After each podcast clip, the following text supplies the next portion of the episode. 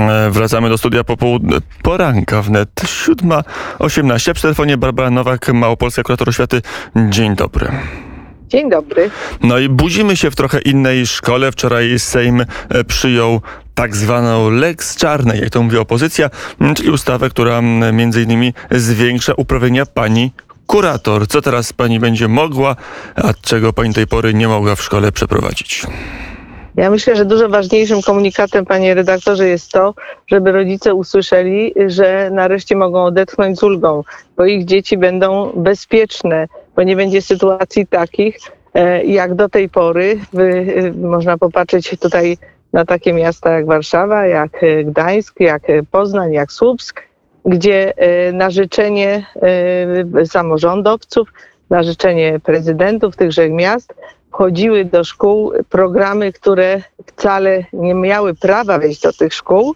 No ale ponieważ e, e, prezydenci e, są pracodawcami dla dyrektorów i, dyrektor, i dyrektorów zatrudniają, no to dyrektorzy musieli chcąc, nie chcąc, pod naciskiem, pod groźbą utraty stanowiska, najczęściej no, musieli te programy przyjmować. Te programy często były to programy które też e, były mocno zapałszowane e, w swojej nazwie, jak chociażby zdrowelowe w, w Gdańsku, gdzie e, mówiono, że to program, który ma pomóc uczniom odnaleźć się w sytuacji, swojej życiowej, tak żeby zdrowo żyć. Tymczasem tak naprawdę realizował treści niszczące dzieci, treści demoralizujące zawierał, treści takie, które były, są niezgodne e, z prawem polskim, chociażby z konstytucyjnym, bo zaczynało się od tego, że dzieciom mówiono,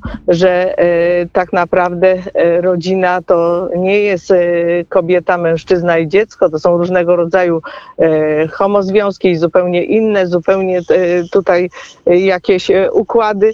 To, to wszystko nie będzie miało możliwości w tej chwili wchodzić do szkoły. Dzisiaj E, od dzisiaj, od, od momentu, kiedy e, naprawdę ta e, ustawa, którą okrzyknięto Lex Czarnek, a która przynosi wiele chwały panu ministrowi, będzie gwarancją dla rodziców, że ich dzieci będą bezpieczne.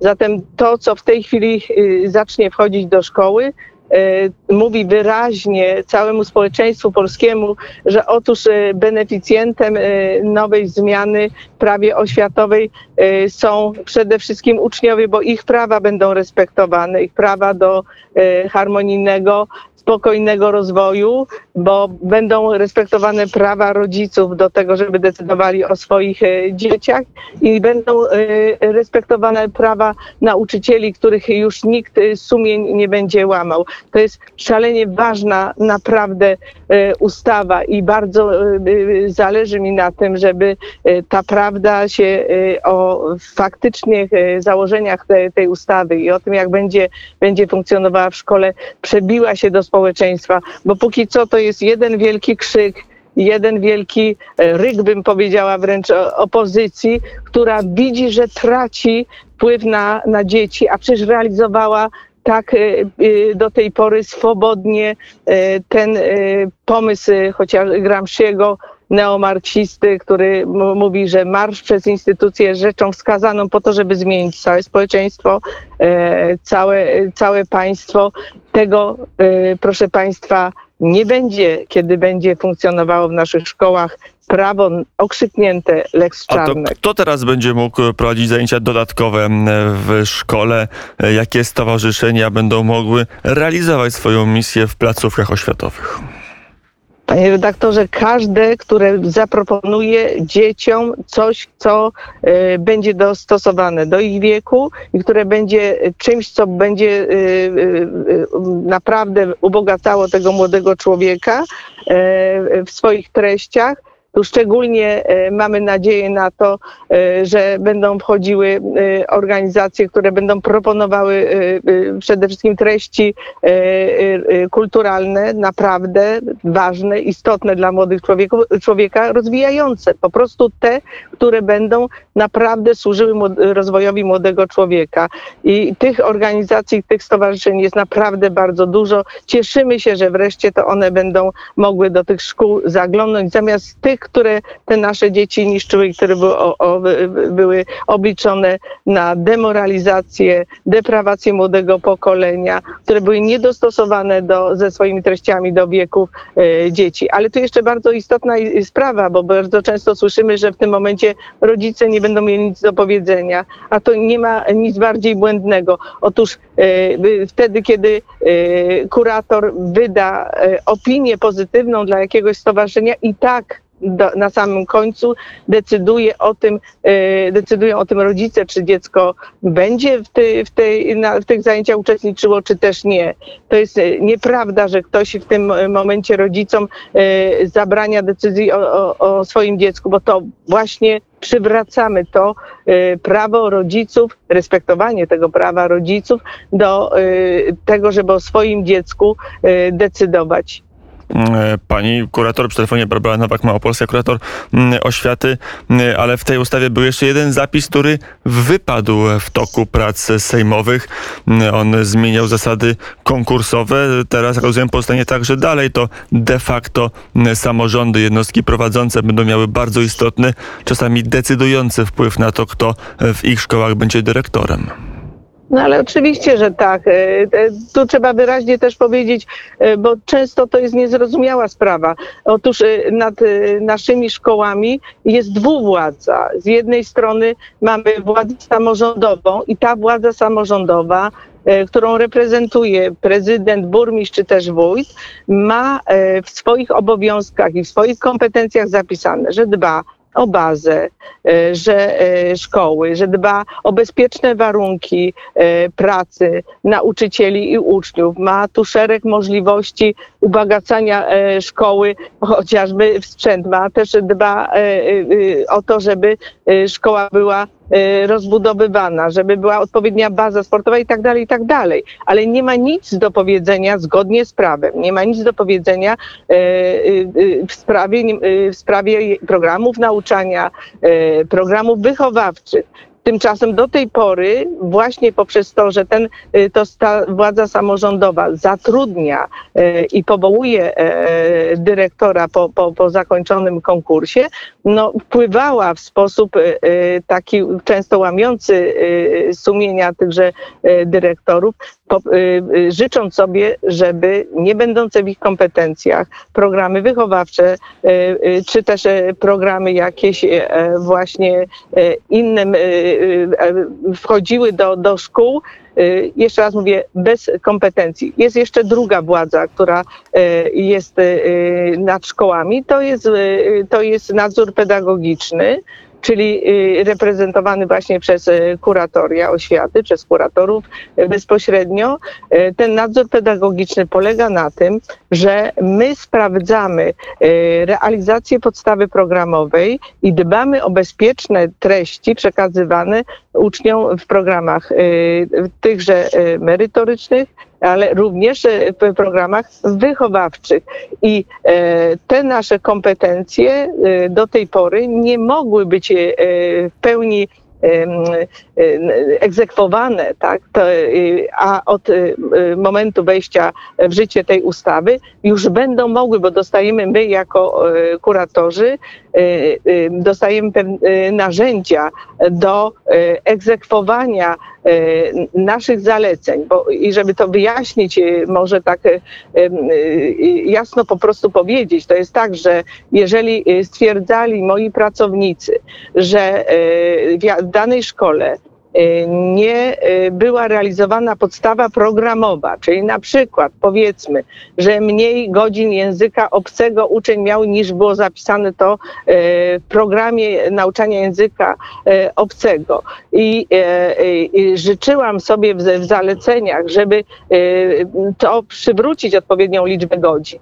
A, a w tym momencie dyrektor mówił nie, ponieważ no nie wiem, z jakiekolwiek względów nie zrobię tego. Ja się zwracałam do, do, o pomoc wtedy do, do samorządu, czyli do właśnie prezydenta, burmistrza czy też wójta, prosząc tutaj o współpracę i nakaz temu dyrektorowi, który bezpośrednio jemu podlega, o wykonanie te, te, tegoż zalecenia. Jeżeli burmistrz, prezydent czy też wójt uznał, że nie będzie tutaj w ogóle w to wchodził, że mu na tym nie zależy, to ja nie miałam żadnej możliwości wyegzekwowania tej, tego zalecenia od dyrektora. Zatem nie mogłam na, tak naprawdę efektywnie dbać o prawa uczniów, a dzisiaj już będę mogła. I to jest ta zaleta kolejna ustawy okrzykniętej Lex Czarnek. Mm, to pani kurator, przejdźmy jeszcze do dwóch pobocznych tematów. Po pierwsze, Polski Ład Podatkowy, a pensje w oświacie, jak to wyglądało w Małopolsce. Czy były przypadki, jeśli tak, to jak liczne, że niesłusznie naliczono niższą pensję albo nie naliczono wyższej, jak powinna być i czy już ruszyły jakieś wyrównania w związku z tym? Panie redaktorze, ja nie mam tutaj pełnej wiedzy i jej mieć nie mogę, dlatego że to jest kompetencja samorządów naliczanie pieniędzy, ale z mojej, z mojej wiedzy wynika, że często w tych szkołach, które podlegały jakimś takim szerszym, znaczy, które podlegają centrum, które oblicza dla wielu szkół pensje, no nie dopełniono pewnych formalności polegających na tym, że nie poinformowano nauczycieli, że każdy z nauczycieli musi określić się, czy korzysta z ulgi, czy też nie. To również jest sytuacja skomplikowana w sytuacji, kiedy nauczyciel nie uczy w jednej szkole, tylko w kilku, więc osoba, która prowadzi księgowość w jednej szkole, niekoniecznie była świadoma tego, że ten nauczyciel przecież jeszcze ma inne miejsca pracy i że należy ten cały jego dochód zliczyć. Tu szereg było sytuacji, które no, organizacyjnie nie zostały dopracowane. Ile i takich sytuacji dokładnie było, nie wiem, panie redaktorze. Ja dostawałam informacje tutaj z terenu Krakowa ze, ze, ze strony szkół tak zwanych samobilansujących się, czyli tam, gdzie jest w danej szkole księgowość własna i tam problemów nie było. Natomiast, tak jak mówię, w innych miejscach całą pewnością było ich trochę, ale i cała akcja Ministerstwa Finansów też skorelowana z, z naszymi informacyjnymi kanałami spowodowała, że księgowi dostali instrukcje, zostali pouczeni poprzez odpowiednie instruktaże i w tej chwili cały system ruszył już naprawiania błędów. Myślę, że nawet ruszyły już te wypłaty regulujące, korygujące.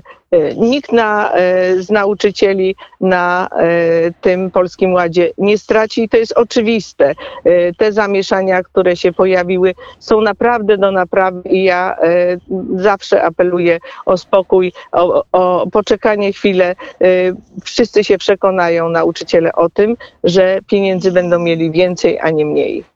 To pani kurator jeszcze jedno pytanie o szczepionki. Ono nie może nie paść w naszej rozmowie. Głosy z koalicji rządzącej domagające się dymisji pani kurator. Jak wygląda sytuacja i jaka jest w zasadzie taka w pełni pani kurator stosunek do programu szczepień? Panie redaktorze, jestem urzędnikiem państwowym i politykę państwa realizuję.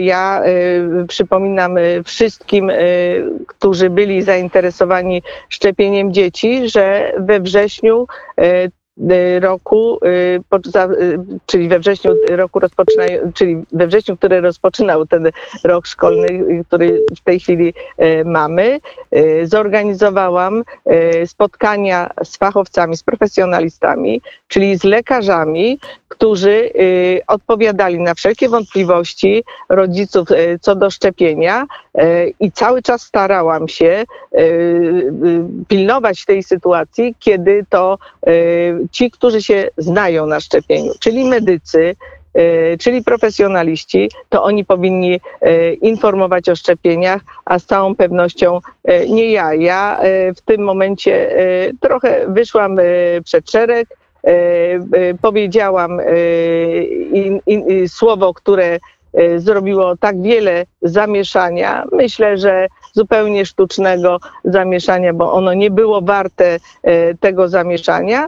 Natomiast e, jasno chcę w tym momencie jeszcze raz powiedzieć, że we wszystkich swoich działaniach dotyczących e, jakichkolwiek spraw związanych ze szczepieniami, e, będę zawsze, e, tak jak e, e, od początku tego roku, posiłkowała się e, e, fachowymi e, e, ocenami, fachowymi opiniami, e, czyli po prostu e, informacjami, które lekarze e, będą mieli do przekazania e, rodzicom, nauczycielom i uczniom. Mm, Sprawa jest zamknięta, to jedno słowo za dużo, czyli eksperyment nie powinno paść, pani kurator, czy Tak, nie powinno paść oczywiście. Jeszcze raz mówię, że e, dlatego, że e, ja e, tu nie mam e, odpowiedniej wiedzy, natomiast e, e, je, jeszcze raz, żeby było jasne, to słowo tak naprawdę nie było warte tego, co się wydarzyło. Zostało bardzo mocno tutaj podbite przez różne grupy, które usiłowały na tym ugrać swój interes. Nie był to z całą pewnością e, interes bezpieczeństwa e, młodych ludzi i dlatego jest mi bardzo przykro. Natomiast to, że e, mamy w Polsce ogromną e, rzeszę ludzi, e, którzy są absolutnie przekonani o tym, że mają prawo do wolności decydowania o swoim losie, no to też ta dyskusja pokazała. I ja do tych ludzi należę, którzy mówią, że prawo do wolnego słowa jest czymś, co nie e, odłącznie jest związane z demokracją. A w Polsce mamy wolność słowa. I to, że jestem, panie e, redaktorze, na tym stanowisku, to tylko potwierdza, że e, w Polsce panuje e, wolność, z czego się ogromnie cieszę, bo te, o tym nie, e, tego już nie ma na zachodzie, tego nie ma na wschodzie. Polska jest ostoją wolności i to jest wielka wartość państwa polskiego. Mm, Powiedziała Barbara mm, Nowak, Małopolska, kurator oświaty. Pani kurator, dziękuję bardzo za rozmowę. Bardzo serdecznie dziękuję. Życzę wszystkim dobrego dnia. Dziękuję bardzo.